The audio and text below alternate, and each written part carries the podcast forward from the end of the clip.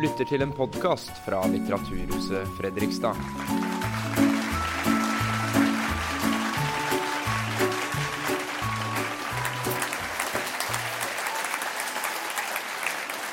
For det er jo unektelig veldig, veldig hyggelig når det er en så full sal.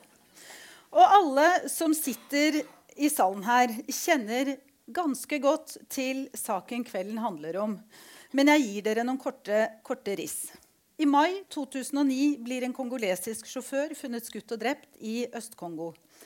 Joshua French og Kjosto Moland blir pågrepet og deretter dømt til døden for drapet, noe som i Kongo er ensbetydende med livsvarig fengsel.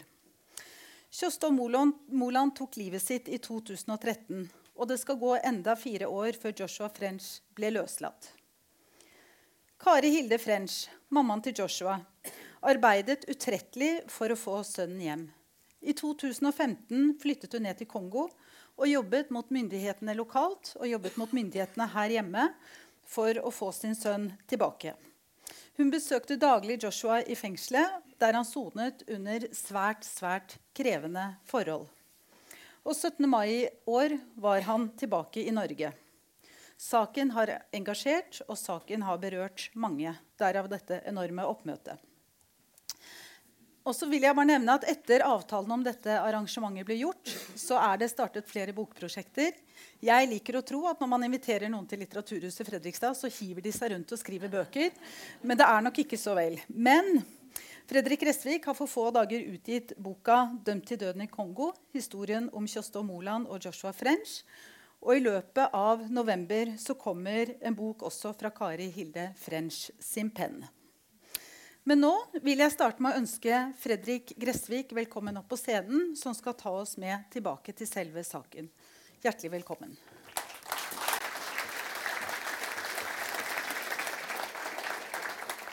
Takk. Jeg skal ta dere litt raskt til uh, Kari Hilde, fordi jeg, det er henne dere har kommet for å høre på.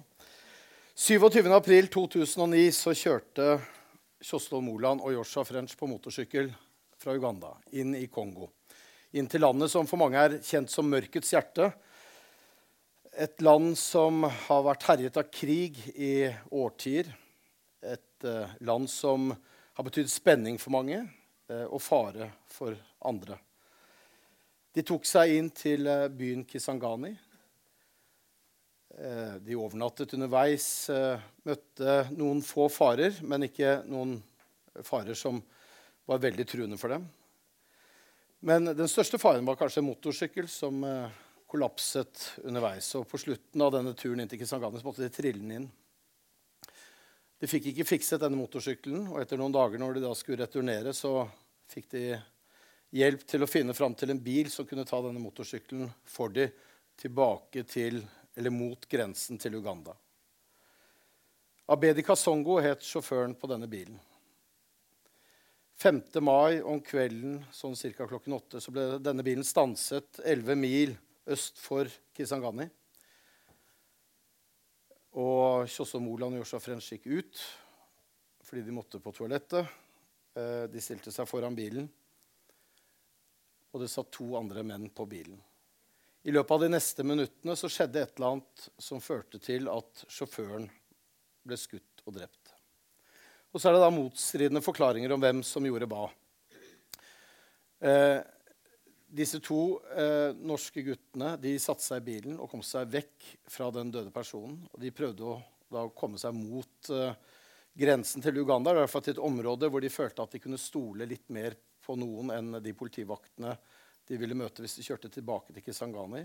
De handlet i affekt. De var, uh, uansett hva som hadde skjedd, så var de redde for hva konsekvensen av dette ville bli.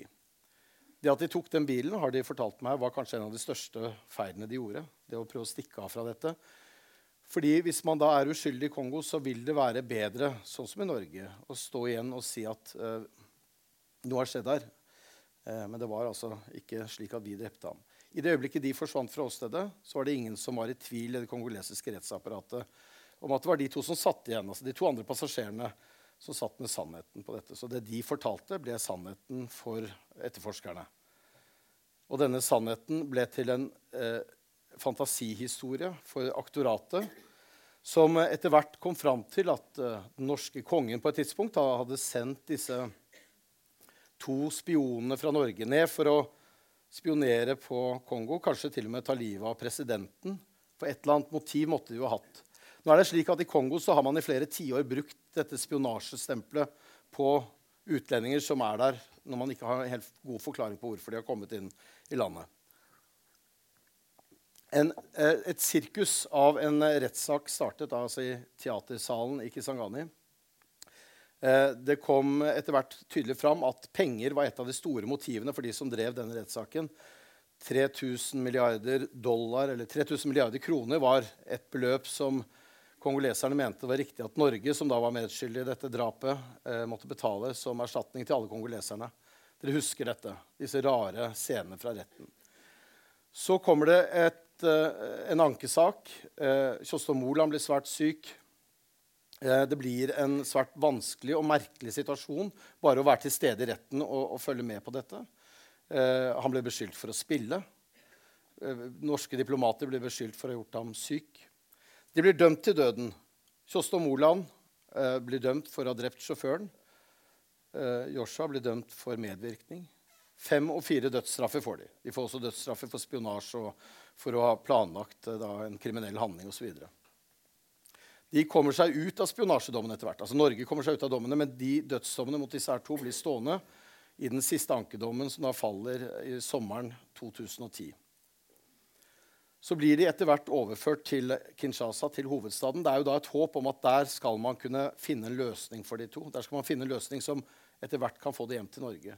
Men så er det slik at norske myndigheter vil ha store problemer med å akseptere at to drapsdømte eller spiondømte eller dødsdømte nordmenn kommer hjem til Norge og går fri.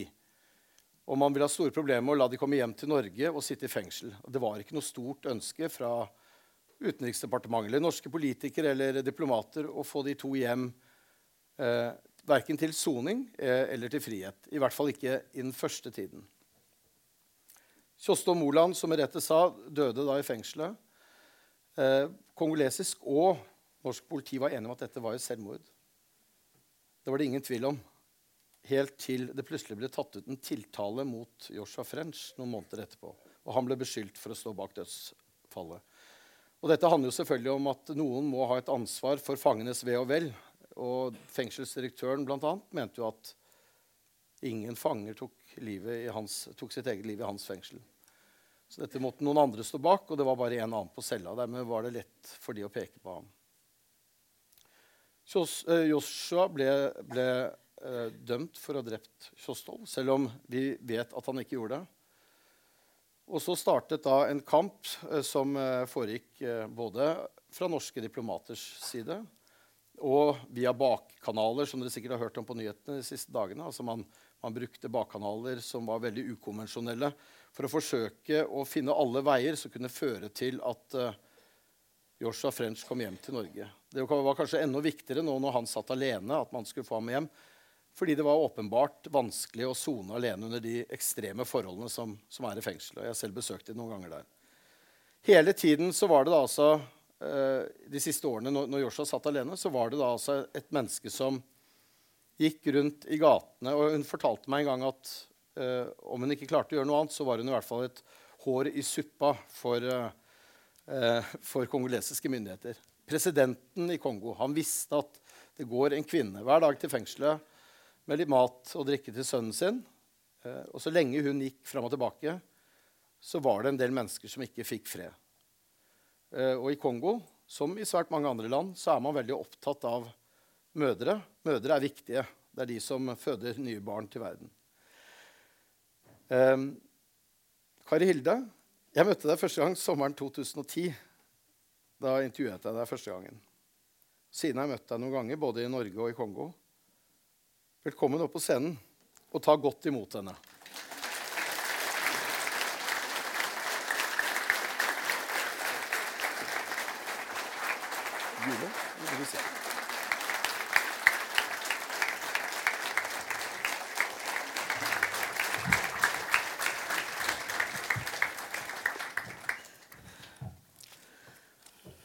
Hvor skal vi starte? Skal vi starte med 17. mai, tror jeg. Du fikk en telefon på et eller annet tidspunkt, og det var en gledesmelding. Du mener nå 17. Ja, mai sist, som eh, ja. gikk? Ja.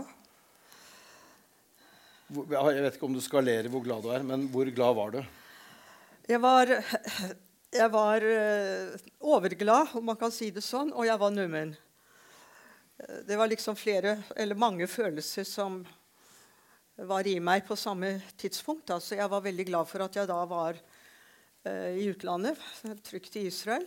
For jeg fikk skjermet meg selv eh, i 14 dager før jeg dro til Norge. Var det på et tidspunkt du tenkte at den dagen aldri kom til å komme? Ja, det var ganger jeg tenkte at om, om jeg så må bo her til jeg dør, så får jeg jo bare bo her nede i, i Kongo.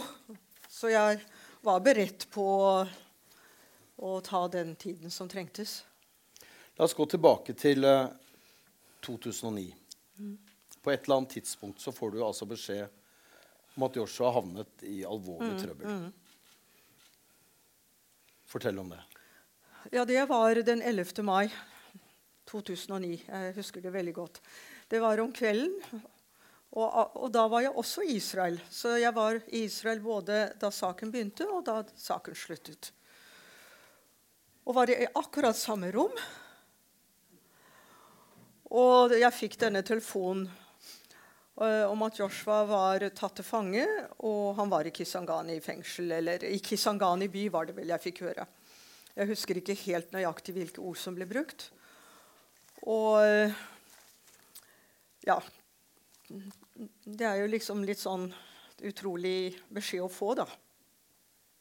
Disse anklagene som ble rettet mot ham, de fikk du høre ganske fort. da? At han var, ja, de var eh, i hvert fall mistenkt på det tidspunktet for å stå bak Nei, den 11.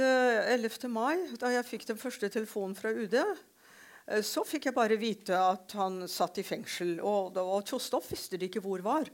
De bare visste eh, at han var ute i jungelen et eller annet sted. Man visste ikke om han var levende, man visste ikke om han var død. Og, og noe campingutstyr og sånn var funnet. Eh, og så I de følgende dagene så fikk vi jo høre da at Joshua var mistenkt for å ha drept denne sjåføren. Og litt etter litt så kom det jo fram at tiltalen ble utvidet til kriminelt forbund og ran og, og spionasje. Og hva var det fjerde? Ja, det var for- forbund av eh, Hva sa du? eh, De, å starte et forbund av eh, eh, Ja, kriminelt forbund. Kriminell forbund, ja.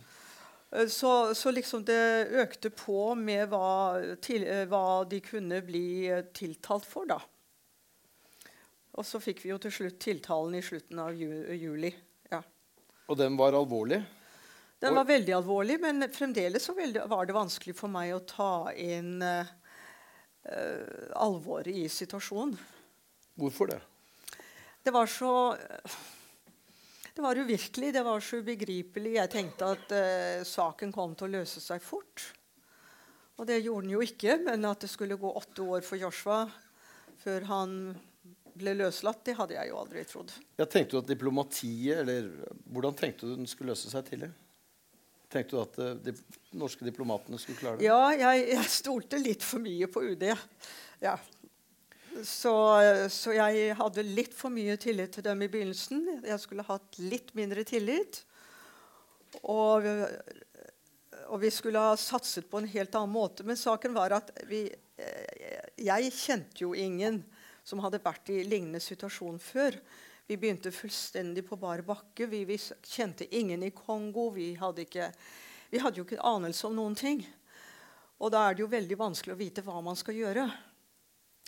Du, eh, det gikk en stund. Jeg vet at eh, Joshua fortalte meg jo, og, og dette sa han jo til flere journalister også, at han ikke ønsket at familien skulle komme i starten. For man fryktet at dere skulle havne i en slags om ikke gisselsituasjon, men at det skulle oppstå en situasjon som ville gjøre det vanskeligere å løse den saken. Og han tenkte jo også selvfølgelig på den påkjenningen det måtte være. Mm. Um, eh, Kjostolv ble veldig syk eh, tidlig, og da dro Mathilde ned. Eh, men du kom ned første gangen Når var det? Eh, jeg kom ned første gang i juli 2013. Men da da- hadde du ja, hatt kontakt med Yosha hele veien? Ja da, liksom. og, og da var de flyttet til, eh, til Kinshasa. Uh, og dette her med kontakt var jo veldig vanskelig i begynnelsen, dette med å kommunisere. Og, så det var først etter et halvt år at jeg faktisk fikk snakket litt skikkelig med Joshua på mobil. da, Uten at det ble avbrutt eller uh, store forstyrrelser og støy osv. Og, og dette med kommunikasjon ble veldig vanskelig, for de hadde ikke lov til å ha mobil i fengselet. Og, men vi endte jo opp med at de hadde hemmelig mobil. da, og Da hadde de gjerne én på lager. sånn at hvis det var razzia på cellen og den, de hadde da blitt tatt, så hadde de liksom en annen klar. Så, så vi, måtte, vi, måtte, finne en del løsninger. Jeg skal ikke røpe hva alle løsningene vi fant på. Eh, det er ikke dagligdags at nordmenn blir dømt til døden. Mm. Hvordan er det å oppleve at din egen sønn blir dømt til døden. Fryktet du at de skulle iverksette dødsstraffen? Ja, jeg gjorde det, selv om Kongo har hva man kaller et moratorium. Altså det at man kan få dødsstraff, men man blir ikke drept likevel. Eh, eller henrettet. Så, så kan ting skje. Altså, Kongo er veldig stort. Eh, det har mange provinser. Eh, Kisangani ligger langt borte fra Kinshasa. Eh, folk kunne lett ta, Myndighetene også i Kinshasa kunne lett ta situasjonen i egne hender. Så jeg var ikke helt trygg på det moratoriet. Ja. Det var jo også opprør i fengselet som gjorde at de ble utsatt for fare. Og det var uh, sykdommer som rammet de begge to. Mm, mm. Uh, Kjosthold ble hardest rammet uh, høsten 2009. Mm. Men også Joshua ble rammet av malaria. Ja, Han hadde jo malaria en rekke ganger, men man har mange forskjellige typer malaria. Men i januar 2015 da fikk han en, en av de alvorlige typene malaria og holdt på å stryke med. Og det som reddet ham da, det var faktisk at en misjonslege hadde kommet til Kinshasa. Han hadde vokst opp i Kongo, så han kjente til både språk og kultur. Og, og vi fikk lov til å få, ta ham inn i fengselet fordi da var fengselsledelsen også veldig redde. For hvis Joshua også skulle dø, hvem skulle da få skylden? Ja. Og denne misjonslegen han, eh, han, reddet Joshuas liv. Så, men nå, nå, har vi hoppet litt fram og tilbake. Vi, ja. vi, går, vi, går, til 2013, når du dro ned første gangen ja. og traff ham. Eh, hva var det som møtte deg i fengselet da? Hva som møtte meg? Nei, jeg kom jo inn der Du har jo vært der selv. Eh, ja, det, er ikke, det, er jo ikke en veldig sjarmerende plass. Nei, du kommer jo først til denne eh, grå, høye fengselsmuren, da, og så må du jo banke på en liten dør. Jeg kom sammen faktisk med sjømannspresten første gang, for han skulle ned. Og han kunne rutinene. Så jeg bare fulgte med ham. Og så kommer du inn i et inngangsbygg som er delt opp i flere typer rom. og litt noen helvegger og halvvegger, og det er litt vanskelig å forklare. Og der må man jo da gjennom eh, både kroppsvisitering og, og, det man har med, skal sjekkes og gås gjennom. Og man må skrive seg inn i en bok. Og så kommer du ut en dør, og da ser du en større eh, fengselsgård. Eh, som jeg kaller administrasjonsgården, for der fantes da bygninger for administrasjon. Og noen telttak. Og nå er det jo også kommet et nytt bygg, som er nye rettslokale med to rom. Og det jeg så da, det var at helt på den andre enden av denne store eh, plassen da, så var det satt Joshua Kjostolf under et telttak. Og Joshua kom imot meg, så vi klemte hverandre sånn midt på gården der. Nå må jeg spørre, Hvordan føltes det? Det føltes godt. Ja. Altså, jeg, jeg, husker ikke hva vi sa til hverandre, uh, men det var godt å kunne klemme ham og kjenne kroppen hans igjen. Han syntes jo jeg var blitt litt tykk, da. Sa han det? han sa det ikke akkurat da, men Han fortalte det senere. og, og, og, så Ja, så kom jo Jeg ble jo møtt med veldig mye vennlighet. Så kom jo fengselsdirektøren, Mr. Floris, som du har truffet. Og fanger og folk i administrasjon. Og det var veldig mange da som skulle komme og hilse på meg. Ja, det, altså, det var jo to populære fanger i fengselet. Mange likte de Ja, og det, de gjorde mye godt, vet du. Ja. De hjalp medfanger. Og de uh, lagde jo ikke noe bråk i fengselet, så Du var der Ja. en liten stund uh, da sommeren 2013, Ja. og så reiser du hjem. Mm. Og så går det kort tid, og så dør Kjostov. Kjostolv. ja. ja, det var forferdelig. Jeg så jo det at Kjostolv var veldig dårlig.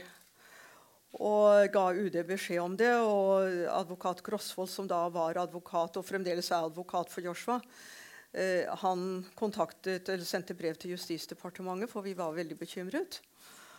Og, og den uroen min vokste bare utover sommeren.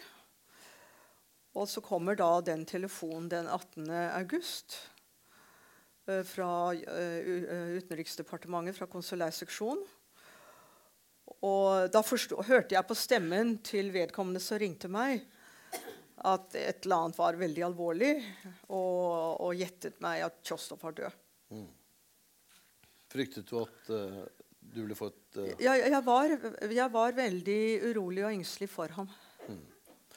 eh, Forsto du da at mye ville endre seg for Joshua?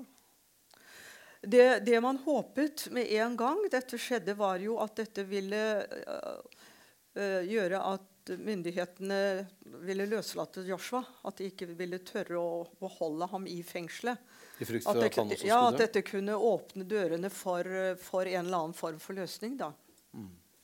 Og Joshua er også britisk statsborger, så det ble Ja. jo lettere for britene også å Ja, pushe litt hardere på. ja. Men det var ikke nok.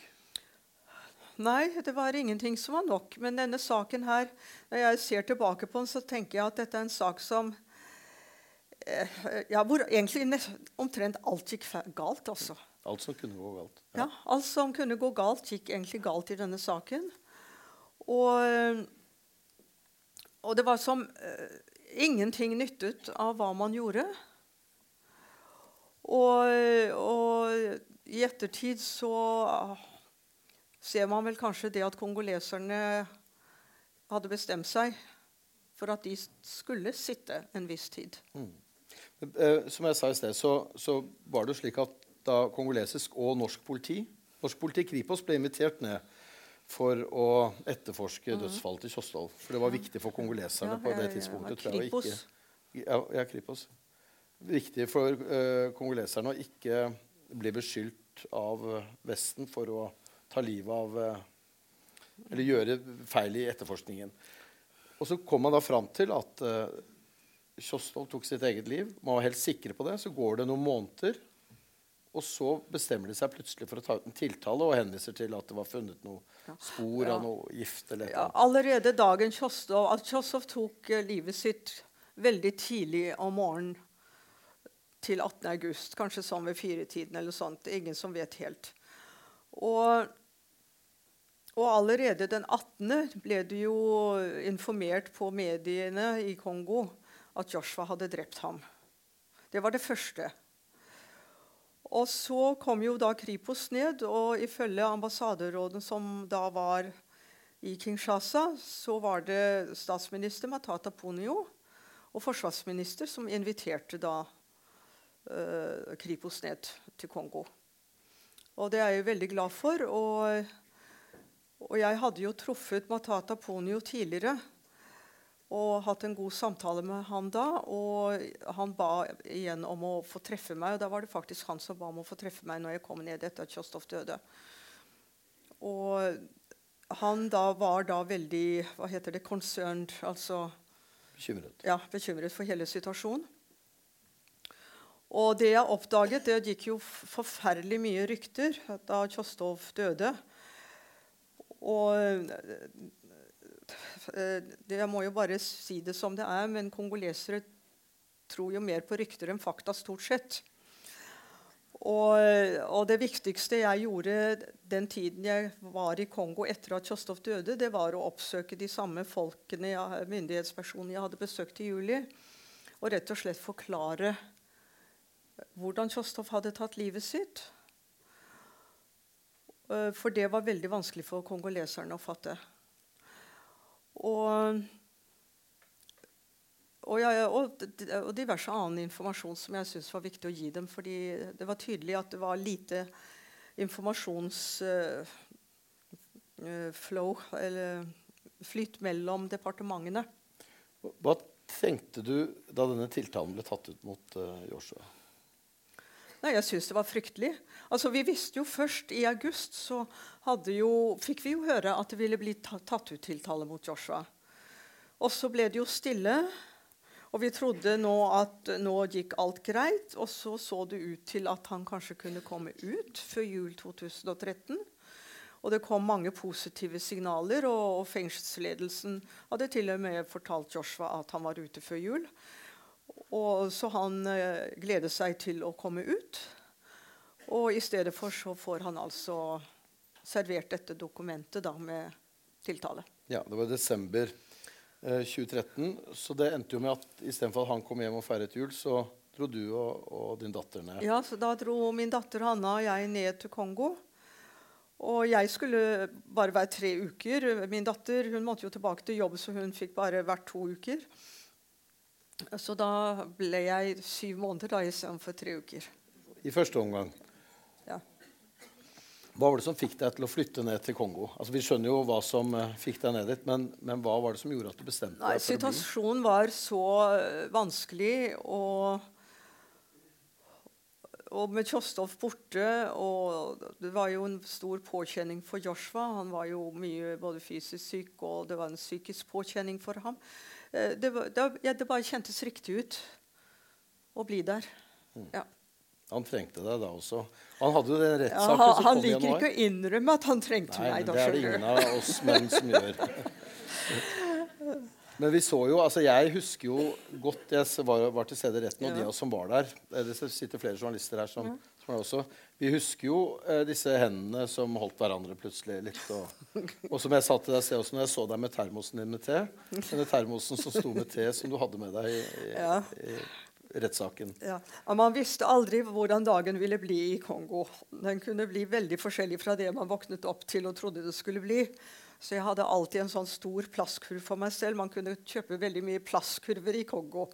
Alt var plast i Kongo. Stoler og bord og kurver og matbokser. Og så jeg hadde min egen kurv. Og der hadde jeg alltid flere flasker med drikkevann. Jeg hadde faktisk med meg salt pga. varmen. Og hvis det var veldig varmt, så tok jeg litt salt oppi vannflaska.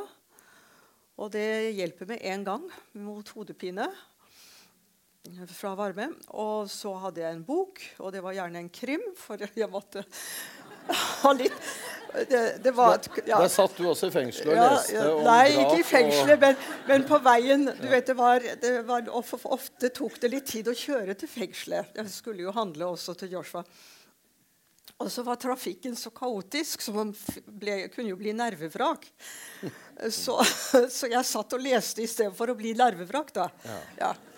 Jeg tror ikke det var trafikken som burde gjøre deg til de største bekymringene for deg. Men eh, fortell oss, altså Du flytter ned, du finner et sted hvor du, du, bodde først på et hotell, og så etter hvert så fant du sted du kunne ja, bo? Ja, først uh, bodde jeg på hotell, og så lånte jeg boliger hvor andre var på tjenestereise eller ferie.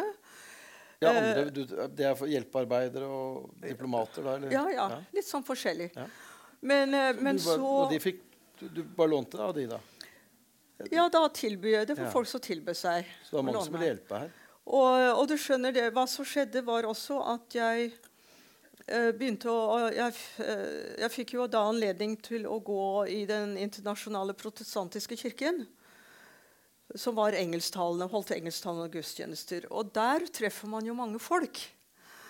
Og så uh, spurte de jo hvorfor jeg var der, og så, videre, så fortalte jeg jo hvorfor. Og faktisk uh, til rettssaken så skulle en venninne av meg komme ned. Og jeg tenkte hvordan skal vi få råd liksom, begge å bo på hotell, og, og, og hvordan skal dette gå, liksom. Og, eh, og så jeg, dro jeg til kirken, og, der, og, det var vel en av de første gangene jeg kunne dra der. Eh, for vi hadde jo disse rettssakene og alt annet som skjedde. Og så ble jeg sittende ved siden av et ektepar som hadde vært i Kongo i en uke og spurte meg hvorfor jeg var der. og Jeg forklarte, og vi snakket litt sammen. Så sier de at ja, du kan komme og bo hos oss. Og så sa jeg det blir litt problematisk, kanskje, for jeg får en venninne ned. Ja, men vi har plass til to. Så dermed så fikk vi begge hvert vårt rom. Og der ble vi da en stund. Og, og sånn fortsatte det til eh, Joshua kom i arresthuset, og så ble jeg boende i arresthuset. For han kom da i husarrest. Ja. Ja. Det, var en historie som ble kjent hjemme først etterpå. Å ja, jeg trodde det. Ja, det stemmer. Vi måtte holde det der hemmelig. Ja. Og jeg måtte skrive bloggene mine på en sånn måte at folk trodde at Joshua var i fengsel, og at jeg gikk der daglig. Men Men jeg bodde med ham, da. Ja, du, du, nå, snakket du, nå brakte du kirke på banen. eh, og det er klart at jeg, Jeg skal komme til noe nå, fordi det er ganske krevende å forholde seg til Kongo. Kongo er ikke bare et afrikansk land.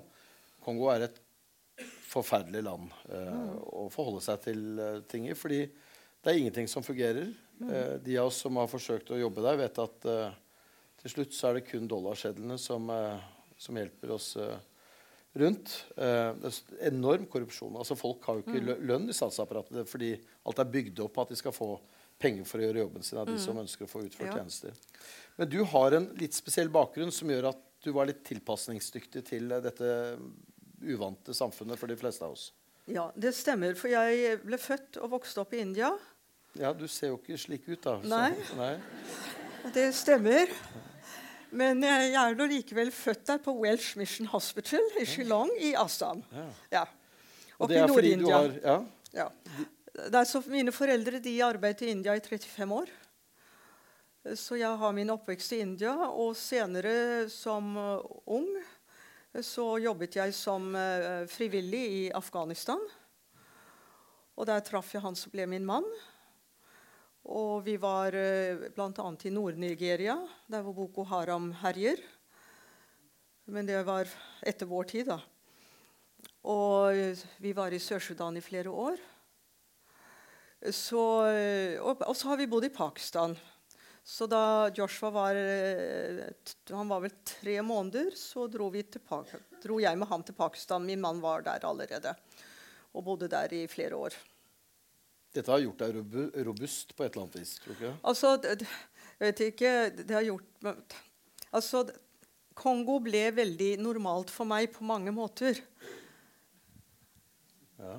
Så jeg husker sjømannspresten. Jeg reiste med sjømannspresten. Han var en god mann. Han kom jo mange ganger ned for å besøke Joshua Kjostov. Og senere ble det jo bare Joshua. Og så spurte han meg på flyplassen når vi landet der første gang. da. Eller for meg første gang. Han hadde jo vært der. Om hvordan jeg følte det. For han likte å spørre hvordan føler du det. Så jeg sa at jeg føler meg hjemme, sa jeg. For det kaoset som møtte oss, dette var på den gamle terminalen, det var jo sånn som vi er vant til fra Calcutta. Ja. Men dette var kanskje god ballast å ha med seg når du skulle håndtere deg og komme deg gjennom dette samfunnet. Eh, ja, for jeg, jeg hadde ikke noe kultursjokk når jeg kom til Kongo. Og eh, jeg på en måte forsto hvordan jeg skulle ja, finne veien og ordne meg. Ja, Ja. Og, og du gjorde mer enn å ordne deg og ordne opp for eh, Joshua også. Du, du gikk eh, daglig da, til fengselet med, med mat og ting han trengte. Eh, hvordan var det å slippe inn? Altså, var det greit? Er det, jeg tenker sånn som jeg, altså Min erfaring med fengsel da, den er begrenset, og da som besøkende. bare sagt det. Men, men det er da primært i Kongo. Altså det, er det, det er det fengselet, fengselsvesenet jeg kjenner best. Fordi jeg har vært mye der nede. Men eh, var, det, var det greit for familiemedlemmer å komme inn? Ja, for jeg var den som kom med maten. Så meg måtte de slippe inn hver dag. Eh, Det var slik i fengselet at det var, eh, noen dager var bare å levere matdager, og andre dager var besøksdager. Fordi, så jeg kunne da komme hver dag til fengselet. Uh, Nå var det sånn at situasjonen eh, gjennom disse årene jeg var der nede, den skiftet. Den, uh, for eksempel før rettssaken mot Joshua begynte i begynnelsen av 2014. eh, Da var det veldig fritt. Jeg kunne nærmest ha med hva jeg ville inn i fengselet. Jeg slapp gjennom disse her kroppsvisiteringene og hvor de skulle sjekke kurvene jeg hadde med. Jeg kunne, ja, uten problemer. Og, og kunne sitte med Joshua i flere timer om jeg ønsket under telttaket. Så det var liksom ingen problemer fram til rettssaken begynte. Men etter at rettssaken begynte, da ble det vanskelig. Og, og da, da, var det gang, uh, lange perioder hvor tingene skulle sjekkes fire ganger. Ikke bare én gang og to ganger, men fire ganger. Hvorfor tror du det ble slik? De var vel redde for sikkerheten og hva som kunne skje. Og, ja. og så, ja, så og andre ganger så ble det lettere igjen. Andre ganger så fikk jeg bare så vidt sett snurten av ham. Så det skiftet veldig mye hvordan tingene var fra dag til dag eller fra måned til måned i fengselet. Og det skiftet litt med hvem som var personell der. Eh, men etter at eh, jeg hadde vært i arresthuset, der ble jeg jo mye bedre kjent med vaktene. Og de traff jeg jo igjen. Behandlet de deg med respekt? Ja da. Jeg hadde ingen problemer. Denne fengselsdirektøren Flori, mm. han når jeg traff ham i starten, altså, og spesielt etter at Kjostov mm. døde, før det ble tatt ut en tiltale mot ja. Joshua, så uttrykte han stor sympati for situasjonen til Joshua Kjostol. Ja, ja. Men noe skjedde under rettssaken der hvor han da Ja, men det har jo du fortalt meg sjøl, hva som skjedde. Uh, så jeg kan jo gjenta det. Ja, nei, for det, ja, nei, for det var, det var egentlig det, noe av det tristeste jeg opplevde under rettssaken. Vi visste jo på forhånd hva dommen kom til å bli. Vi visste at Joshua kom til å bli, bli funnet skyldig.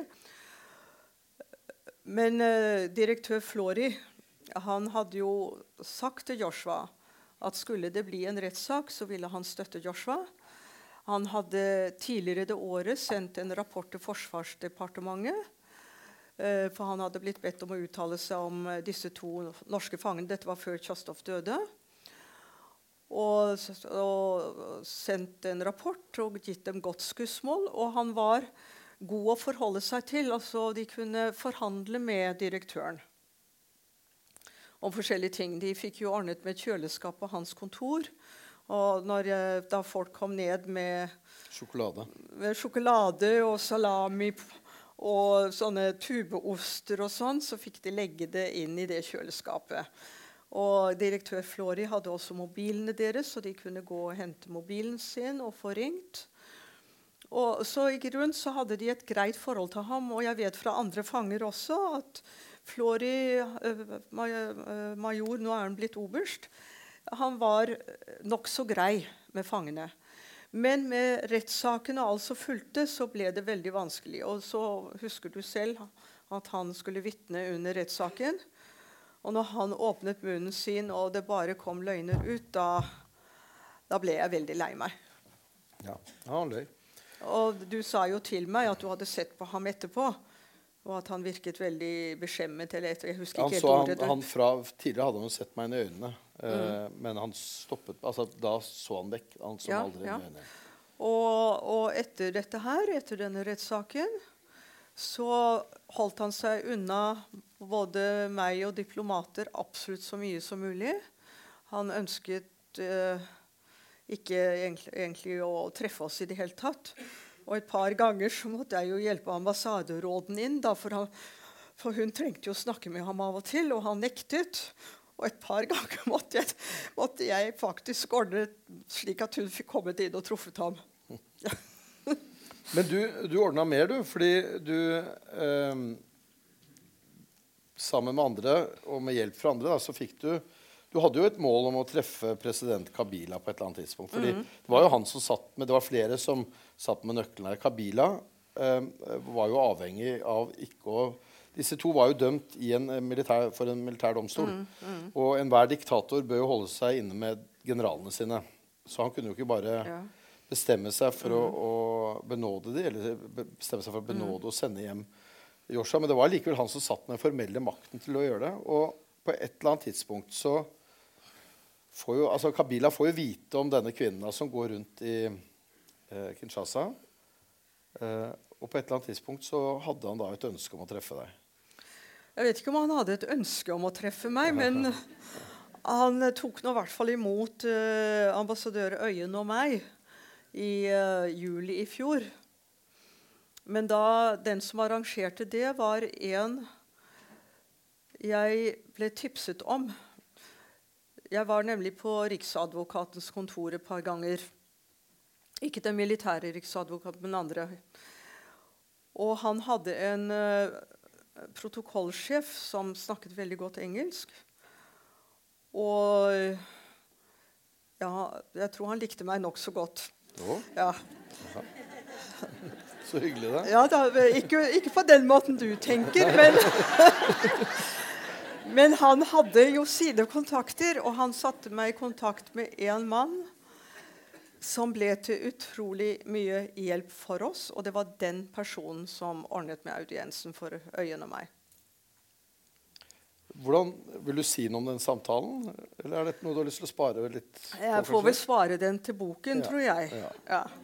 Da har vi noe å glede oss til. Eh, Men du fikk i hvert fall møte ham, og det Mm. betyr jo at han, eh, han eh, la merke til engasjementet ditt. Og det må Mm. jo ha hatt betydning for ham, det han, han da så og hørte fra deg. Mm. Men vi har snakket om dette før også, men du fikk støtte fra Norge. Det Mm. var mange som støttet det. Og du satte i gang denne blogg... Altså ja, altså, her må min datter roses. Ja, Uten henne så hadde vi aldri klart dette. Hun tok seg av veldig veldig mye av det praktiske her i Norge. Eh, sammen med noen andre så fikk vi opp eh, nettsiden vår, som ble til veldig stor hjelp. Og så ble det jo etter hvert masser av støttegrupper. Og jeg tror at det skal være tre stykker her fra administrasjonsteamet for den største støttegruppen. Det kan godt hende at du har noen hundre hånda? Jeg klarer ikke å se. Og der sitter To? Tre? Ja. Takk skal dere ha. Nei, så, og vi fikk veldig mye støtte. Vi fikk ikke bare støtte. Eh, Det var veldig mye proble problemer i begynnelsen fordi eh, mediene var jo veldig negative stort sett mot de to. Du tenker nå på norske medier? Ja, norske medier var veldig negative mot de to i begynnelsen. Og så vi merket jo det også. Men eh, etter hvert, og særlig etter at Kjostov døde, og etter rettssaken mot Joshua, hvor da Kripos var der nede, og rettsmedisiner Arne Stray Pedersen, da snudde ting. Eh, jeg tror fakkeltog også Vi hadde jo to fakkeltog. Et i 2013 etter Kjostov døde, og et i 2014. Eh, De var med også, tror jeg. Altså, det var veldig mye som var med på å skape en annen stemning rundt eh, Ja, sympati. rundt- Større ja, sy- sympati. Ja, eh, større forståelse, kanskje, og sympati. Ja, for det var jo sånn at eh, Jeg følte i hvert fall at hjemme i Norge så var folk delt i to. Og du aner ikke. altså det, Jeg har jo dekket mange saker, men det er ingen sak som har engasjert folk på samme måte som, som denne. Jeg, folk var liksom ja, De dro inn der, så får de ta konsekvensene, ikke sant? Sa noen. Men det ble stadig flere som etter hvert, og spesielt etter rettssakene i 2009, ja, som sa at det her dette er noe galt som Ja. skjer der nede. Men, men det som forundrer meg litt, det er at det var jo tre rettssaker i Kisangani. Og to av dem var jo verre enn den i Kinshasa i 2013. Og én var omtrent på samme nivå. Men da var ikke reaksjonene så store. Men det var etter at Kripos var der nede i 2013, at jeg tror folk begynte å forstå at her er det noe som ikke stemmer. Ja. Eh, Du nevnte media. Hvor stor belastning var media til tider? De kunne vel kanskje vært til hjelp òg, men det, de må jo ha vært belastende. Det var veldig belastende Ja. eh, for hele familien. Ikke bare for meg, men hele familien. Du, jeg har et kjøkkenvindu som vender ned mot Narvesen. Og det jeg burde ha gjort helt i begynnelsen av saken, men jeg visste ikke hvor lenge den skulle vare, det var jo å ha kjøpt en kikkert.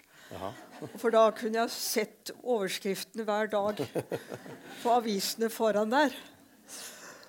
Ja, for det var, ikke sant? det var forside på forside. Det var forside på forside, og ja, nei, det var nokså ille.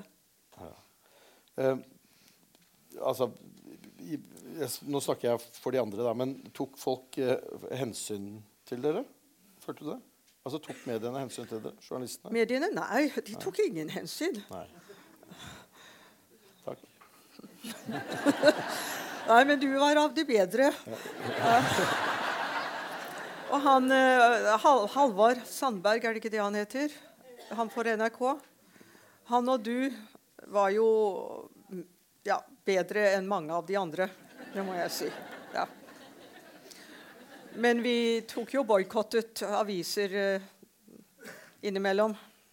Ja, fordi det var oppslag som, som Det ble så ille, ja, og det ble så mye overtramp at eh, innimellom tok vi litt boikott for noen uker, eller av og til lenger også. Men samtidig vet du, så er det jo sånn at vi har jo den rollen, da, og så skal vi følge litt med. Og så tenker jeg jo at politikerne de får jo ikke fred så lenge vi rører rundt i dette her. Hva Mm. tenker du om det? Nei, I boken min har jeg skrevet litt pent om dere også. Ja. Ja. Det, nei, mediene ble jo et tveget sverd. Ja. Altså Uten mediene hadde jo denne saken blitt glemt eller blitt liggende liksom nede i en bakevje et eller annet sted. Eh, Så, så på den måten var vi veldig avhengige av mediene. Eh, Og samtidig så var det problemer. Og så var dere jo også snille på den måten at dere tok jo med dere en del ting ned for de to. ja Av eh, sjokolade. hva de trengte. Medisiner og, og Bøker og Ja, medisiner og mye forskjellige matvarer og Ja, det, det var jo spesielt å være journalist der òg, fordi spesielt i Kisangani så var det jo ingen som beskyttet imot journalister. Vi betalte oss, eh, eller banket på døren da, og slapp ja, inn. ja. Eh, og ble kjent med disse fangevokterne. Mm. Jeg opplevde flere ganger at jeg kom og vekket de om morgenen. Mm. Eh, og det er jo litt sånn pussig situasjon å være i, fordi du kan liksom ikke vekke de og så begynne å stille de spørsmål. Og... Mm. Så det ble en blanding av å være en slags eh, besøksvenn, og så måtte på et eller annet tidspunkt måtte jeg ta opp blokka og si at nå, Mm. nå skifter jeg rolle her. Nå tar jeg på meg en annen hatt.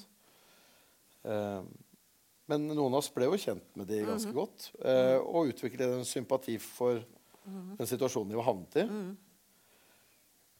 Mm. Eh, og det var krevende å jobbe med en stund, i hvert fall. Eh, Joshua ble veldig syk. Vi var litt inne på det. Han ble veldig syk eh, på et tidspunkt og trengte medisinsk hjelp. Mm. Og det var eh, vanskelig å få ham på sykehus, var det ikke det? ja, at han var faktisk I Kinshasa var han faktisk på sykehus fire ganger. Og eh, Men, men var det greit? Altså, vi, vi- Nei, det var aldeles ikke greit. Nei. De første to gangene så var han eh, på et privatsykehus som heter CMK. da. Det var aldeles ikke greit. Og så var han på et uh, offentlig hus, og det var slettes ikke greit.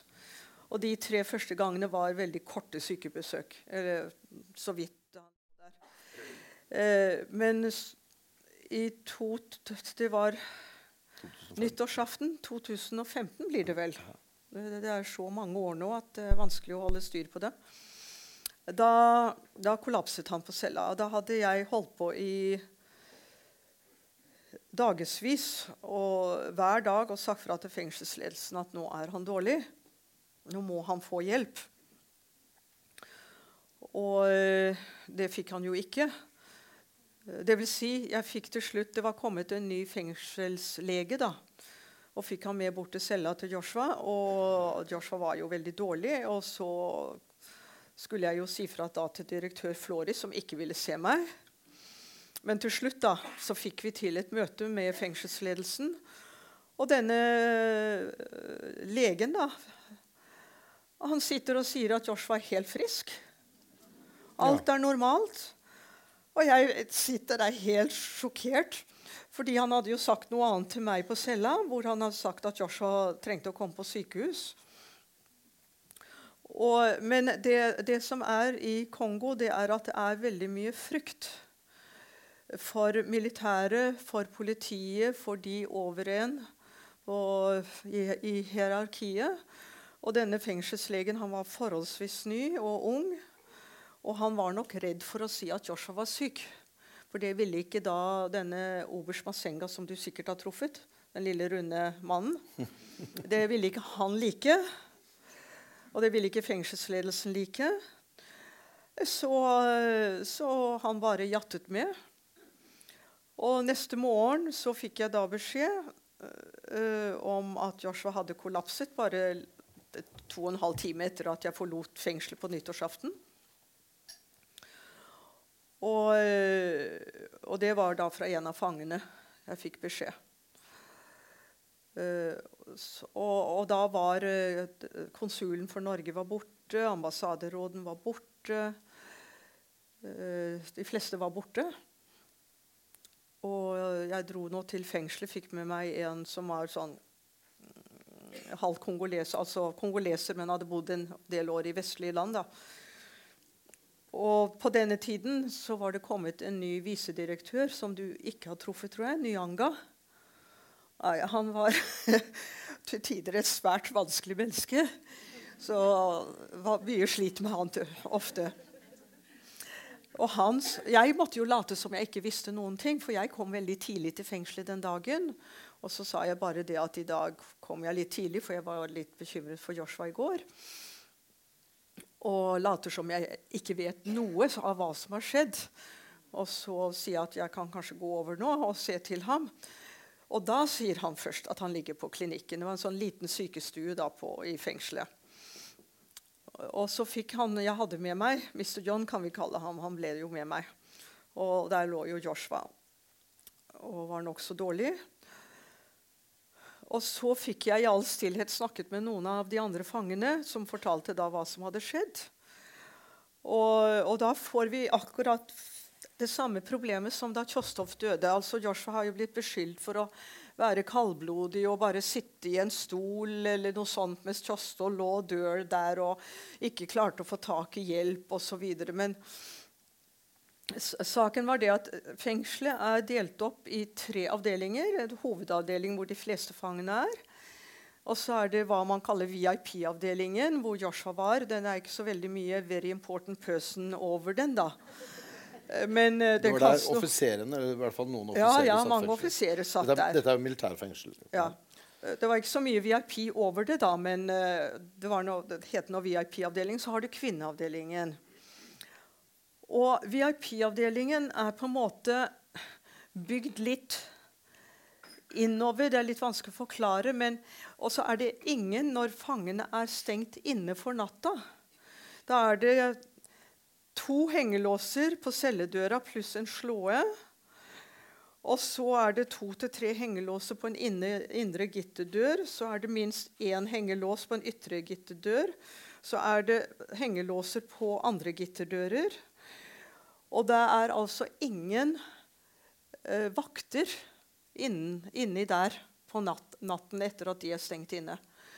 Og så er det ikke vinduer i disse fengselscellene. Det er noen små glugger høyt oppe mot taket som du ikke kan krype ut av. Og, og altså Hvordan skal du da få tak i noen vakter som sitter ute langt ute i en administrasjonsgård og ikke hører noen ting og ser på TV om natta og hører på radio på høy guffe? Og, da, og denne kvelden da Joshua ble så dårlig, så var det jo forferdelig vanskelig for medfangene hans å få hjelp til Joshua. Så de ropte jo og skrek og skrek og ropte ut av disse gluggene for å prøve å få noen til å høre at de trengte hjelp. da. Og endelig så kom det noen. Og, og da ble, ble jo Joshua tatt bort på denne sykestuen. Men i hvert fall så bestemte jeg meg da for at nå skal han på sykehus. Du bestemte deg for det. Ja, jeg bestemte meg for det. Og da ble det planlagt. Da ble det sånn. Fordi de første gangene han var på sykehus, så var det ikke planlagt, og sykehusene var ikke beredt på alle vaktene som fulgte med. Altså Det ble mye uro med alle disse vaktene som fulgte med, som skulle liksom passe på Joshua. Og denne Mr. John og jeg vi, eh, Jeg ringte faktisk pastorfruen, amerikanske pastorfruen og sa hva er det beste sykehuset i Kinshasa. Og så var det et nokså nyåpnet sykehus der. Senkantener. Og det er en sånn samarbeidsprosjekt mellom Kongo og, nei, ja, India og Kongo. Og så var det et annet sted også på Boulevarden som er nytt. Du har kanskje ikke sett det jeg tror det kom etter at du forlot Kongo. Så vi var på begge stedene og fant ut at St. Cantiner var det beste stedet. Og da vi, snakket vi med administrasjon, og vi så på rom, og vi eh, eh, leverte søknad om Joshua kunne bli tatt imot på dette sykehuset. Vi, vi forberedte dem på at det ville bli en del vakter som fulgte med. Hvordan kunne sykehus håndtere disse tingene? Og dette er da et privatsykehus. Det er nokså dyrt. Og, eh, og, men alt det var veldig pent, og det var veldig rent. Og, og, det drives da, det er en del indere som jobber på dette sykehuset også, som kommer på kontrakt til Kongo. da.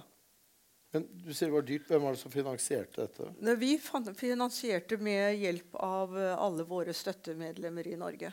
Og alle som ga gaver. Så dette tok 14 dager. da. Ikke med å få ordnet med sykehuset, for der kunne han fått plass med en gang, men å få fengselsledelsen til å slippe Joshua. Og det trengtes det litt penger til også. Ja. Og så måtte da militærlegene være enige, og der måtte vi også betale. Ja. ja. Det er jo det med Kongo, da, at penger ofte løser problemer. Ja. ja. Um, hva tenker du om eh, det arbeidet norske politikere gjorde, og hvordan norske politikere eh, oppførte seg i forhold til denne saken? Ja, I begynnelsen så, så, tror jeg ikke de brydde seg så mye om det. Altså de, jeg tror de tenkte mye som at ja, de har vært dumme, la dem liksom bare ta støyten. Og være til skrekk og advarsel for andre dumme nordmenn. Eh, det er først etter at Kjosov døde, at jeg tror alvoret gikk opp for politikerne også. Jo, men, men, det, der... vet kanskje du litt om, for du hadde jo noen kilder inne i UD. Ja da. Ja. Så du kan jo fortelle meg litt om det. Ja, nei, jeg, skal, jeg, jeg har skrevet en bok om dette, skjønner du. Ja, jeg, jeg, jeg leste den boken i går. Ja. Men du sa ikke så veldig mye om hva dine kilder i UD sa. Nei, jeg gjorde kanskje ikke det. nei, men det, det, er jo da Nei, det er jo ikke alltid jeg har lyst til å si i, eh, til noe som blir offentliggjort. Men eh, mm. nei, det, var jo, det, var en, det, var, det, er jo slik da, at de ikke ønsket eh, en del politikere ikke ønsket det hjem, sånn som jeg fortalte i sted, fordi det var en stor belastning å få det hjem mm. på et mm. tidlig tidspunkt. Mm. Og det ville forvirre folk i Norge. Eh, både hvis du skulle bli sittende innesperret, mm. og hvis de skulle slippe fri, mm. fordi folk ville ikke forstå det. Mm. Um, men uh, det var noe som skjedde. Det var en endring et annet, på et eller annet tidspunkt. Og det er klart at uh, når en av fangene døde, så var det svært mm. viktig å få, uh, få, det hjem. Jeg vet jo at Erna Solberg ga Børge Brende et klart oppdrag. Og det var å få Joshua French ja, hjem i ja. live. Og, de, og, det må sies at de sparte ikke på ressursene. De uh, brukte det som måtte av uh, penger og mannskap for å få Joshua hjem. Følte du at du fikk støtte fra dem? Ja, ja, jeg fikk støtte. Altså, jeg må si det at f.eks. Eh, med Arild Øyen når han kom uh, Han ble jo da spesialutsending, var det vel, våren 2015. Da fikk jeg mye mer støtte. For eh. jeg hadde liksom holdt på litt alene der nede. Ja, ja. du gjorde det. Ja. Men var det noe tidspunkt du tenkte at du skulle gi opp dette her prosjektet ditt? Altså, Joshua var jo prosjektet ditt, da, men at du skulle gi litt opp og så reise derfra og, og leve ditt eget liv? Fordi du, du satt jo hele ditt eget liv på vent nå i, ja. i hvert fall fra, ja, mm. egentlig fra han ble, ble tatt i 2009.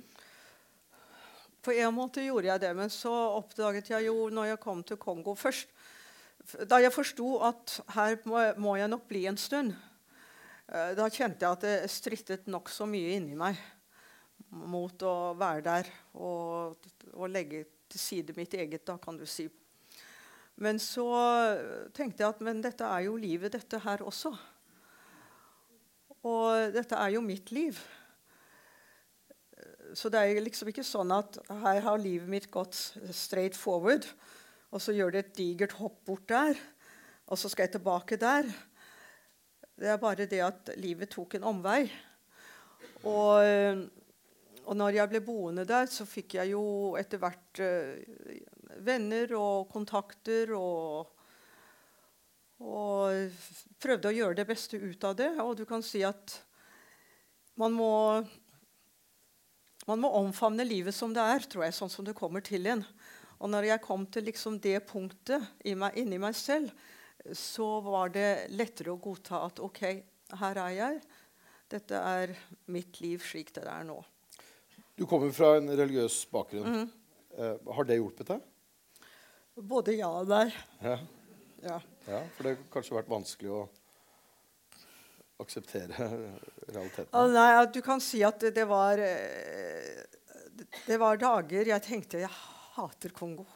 Jeg hater kongolesere. Jeg hater alt med dette landet. Så, men så var det litt vanskelig da, å hate det så altfor mye, fordi jeg ble jo kjent med kongolesere også, og jeg fikk jo et hjerte for mange av dem. og jeg fikk jo, Det var jo fanger i fengselet som ble som mine ekstrasønner. Og, og, og hvordan kunne jeg hate dem? Og, og jeg hadde jo Fikk jo litt kongolesiske venner, og jeg kunne jo ikke hate dem. Skulle, skulle, du ønske at du hadde forsøkt å stanse Joshua? Jeg vet ikke om du gjorde det før han reiste ned og skulle bosette seg i Afrika? Ja, Han hadde jo ikke akkurat tenkt å bosette seg der. da. Han reiste jo mye fra, fram og tilbake, han, for han hadde og fremdeles har den samboeren her i Norge.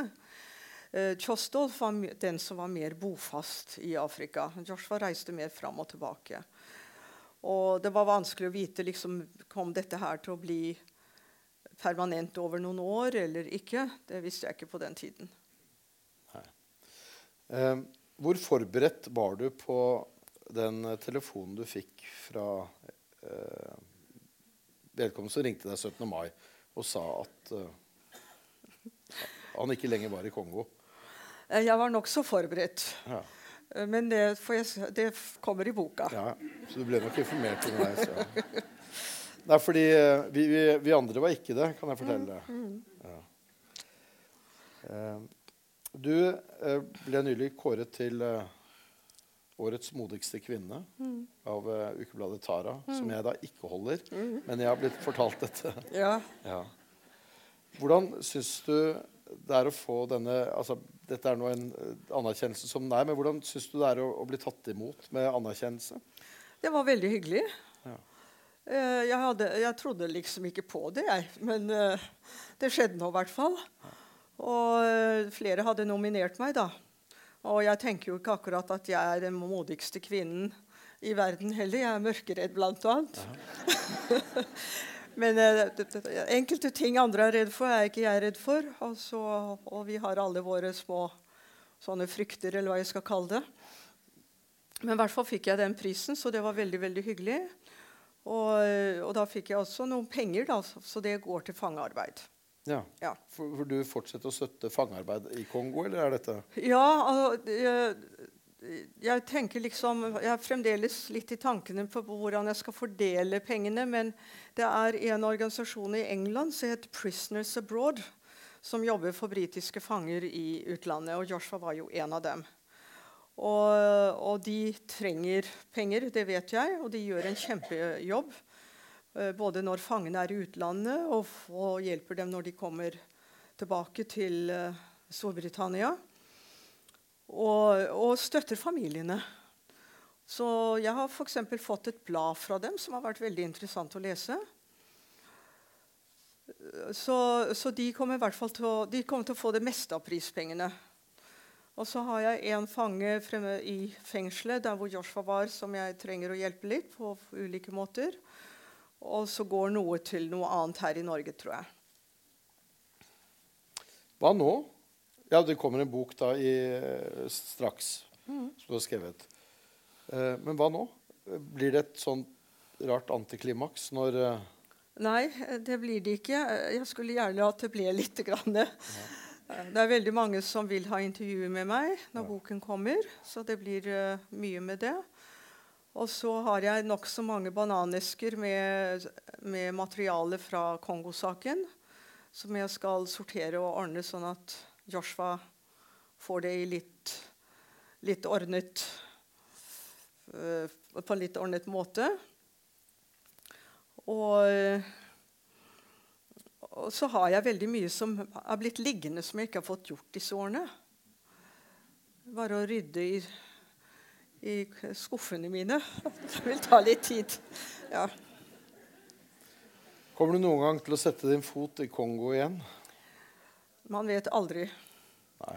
Og det har med min religiøse bakgrunn Fordi man vet aldri hva Gud gjør. Ja. Kari Hilde Frems, tusen takk.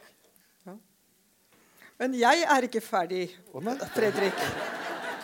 Jeg har tenkt å spørre deg om noe. For jeg klarte å lese gjennom den boken din i går, og gratulerer med bok, forresten. Takk. I like måte snart. ja. Og, og da var jo jeg interessert i den nyheten du kom med om Peres. Eh, Dan Gertler visste jeg om.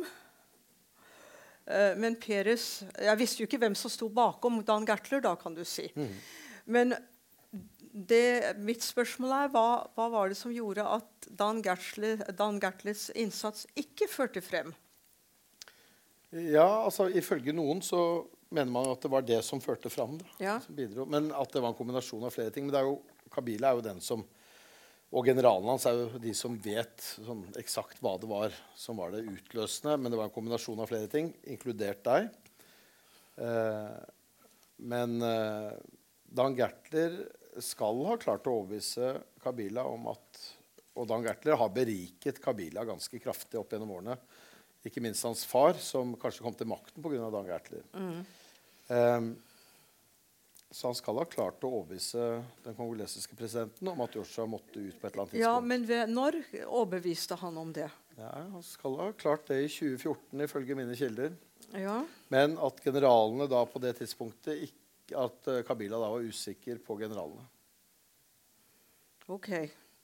Eh, Hva med justisministeren på den tiden? Ja, hun, det var da hun eh, Det var hun damen? Ja, ja, som ikke ville Som gjorde alt hun kunne for å stanse en Ja, utlevering.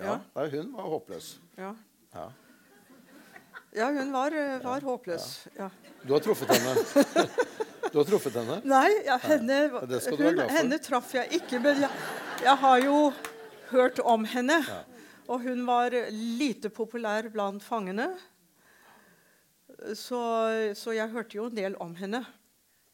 Ja da, nei, og det, det var jo også noe som skjedde etter hvert. Man fikk et skifte av regjeringsmedlemmer eh, eh, det siste året spesielt. Som gjorde ting litt enklere for Kabila hvis han ønsket å finne en løsning på dette. Og når han da fikk med seg da Ponde eller generalene på, på en eh, utlevering. Ja, Ponde kom på vår side allerede Ponde er da sjefen for det militære rettsapparatet ja, altså, en slags eh, militær riksadvokat, kan man vel si.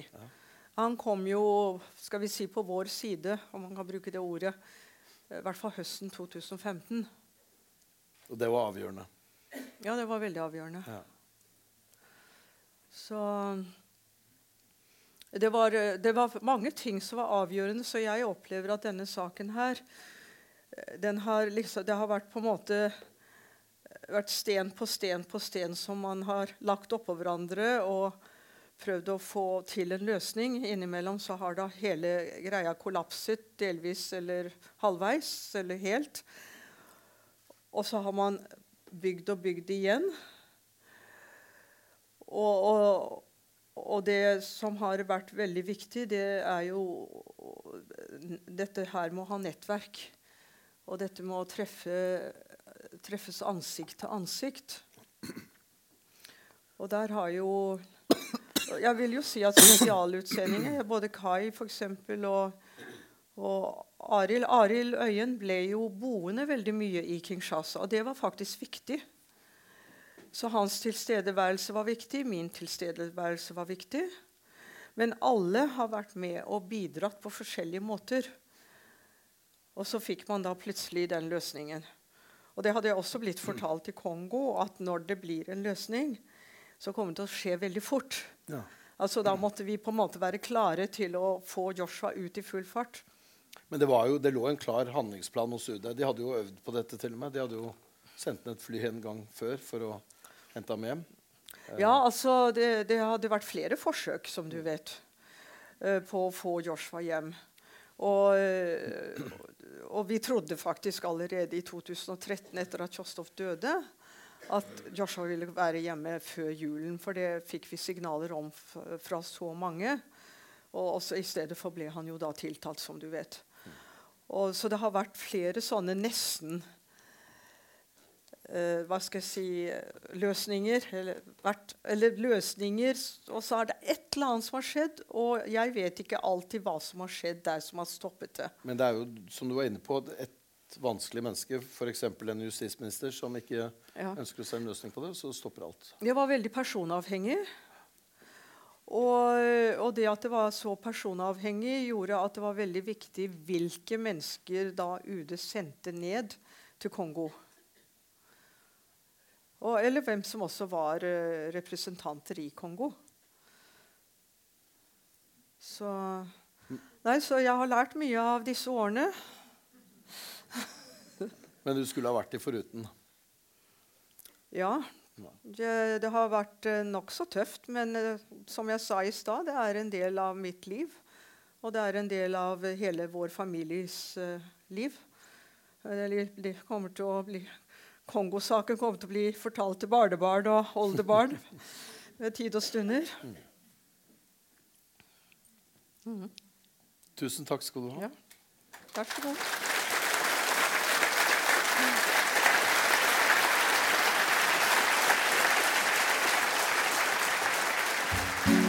Nå har du hørt en podkast fra Litteraturhuset Fredrikstad. For mer informasjon, klikk deg inn på lytthusfred.no.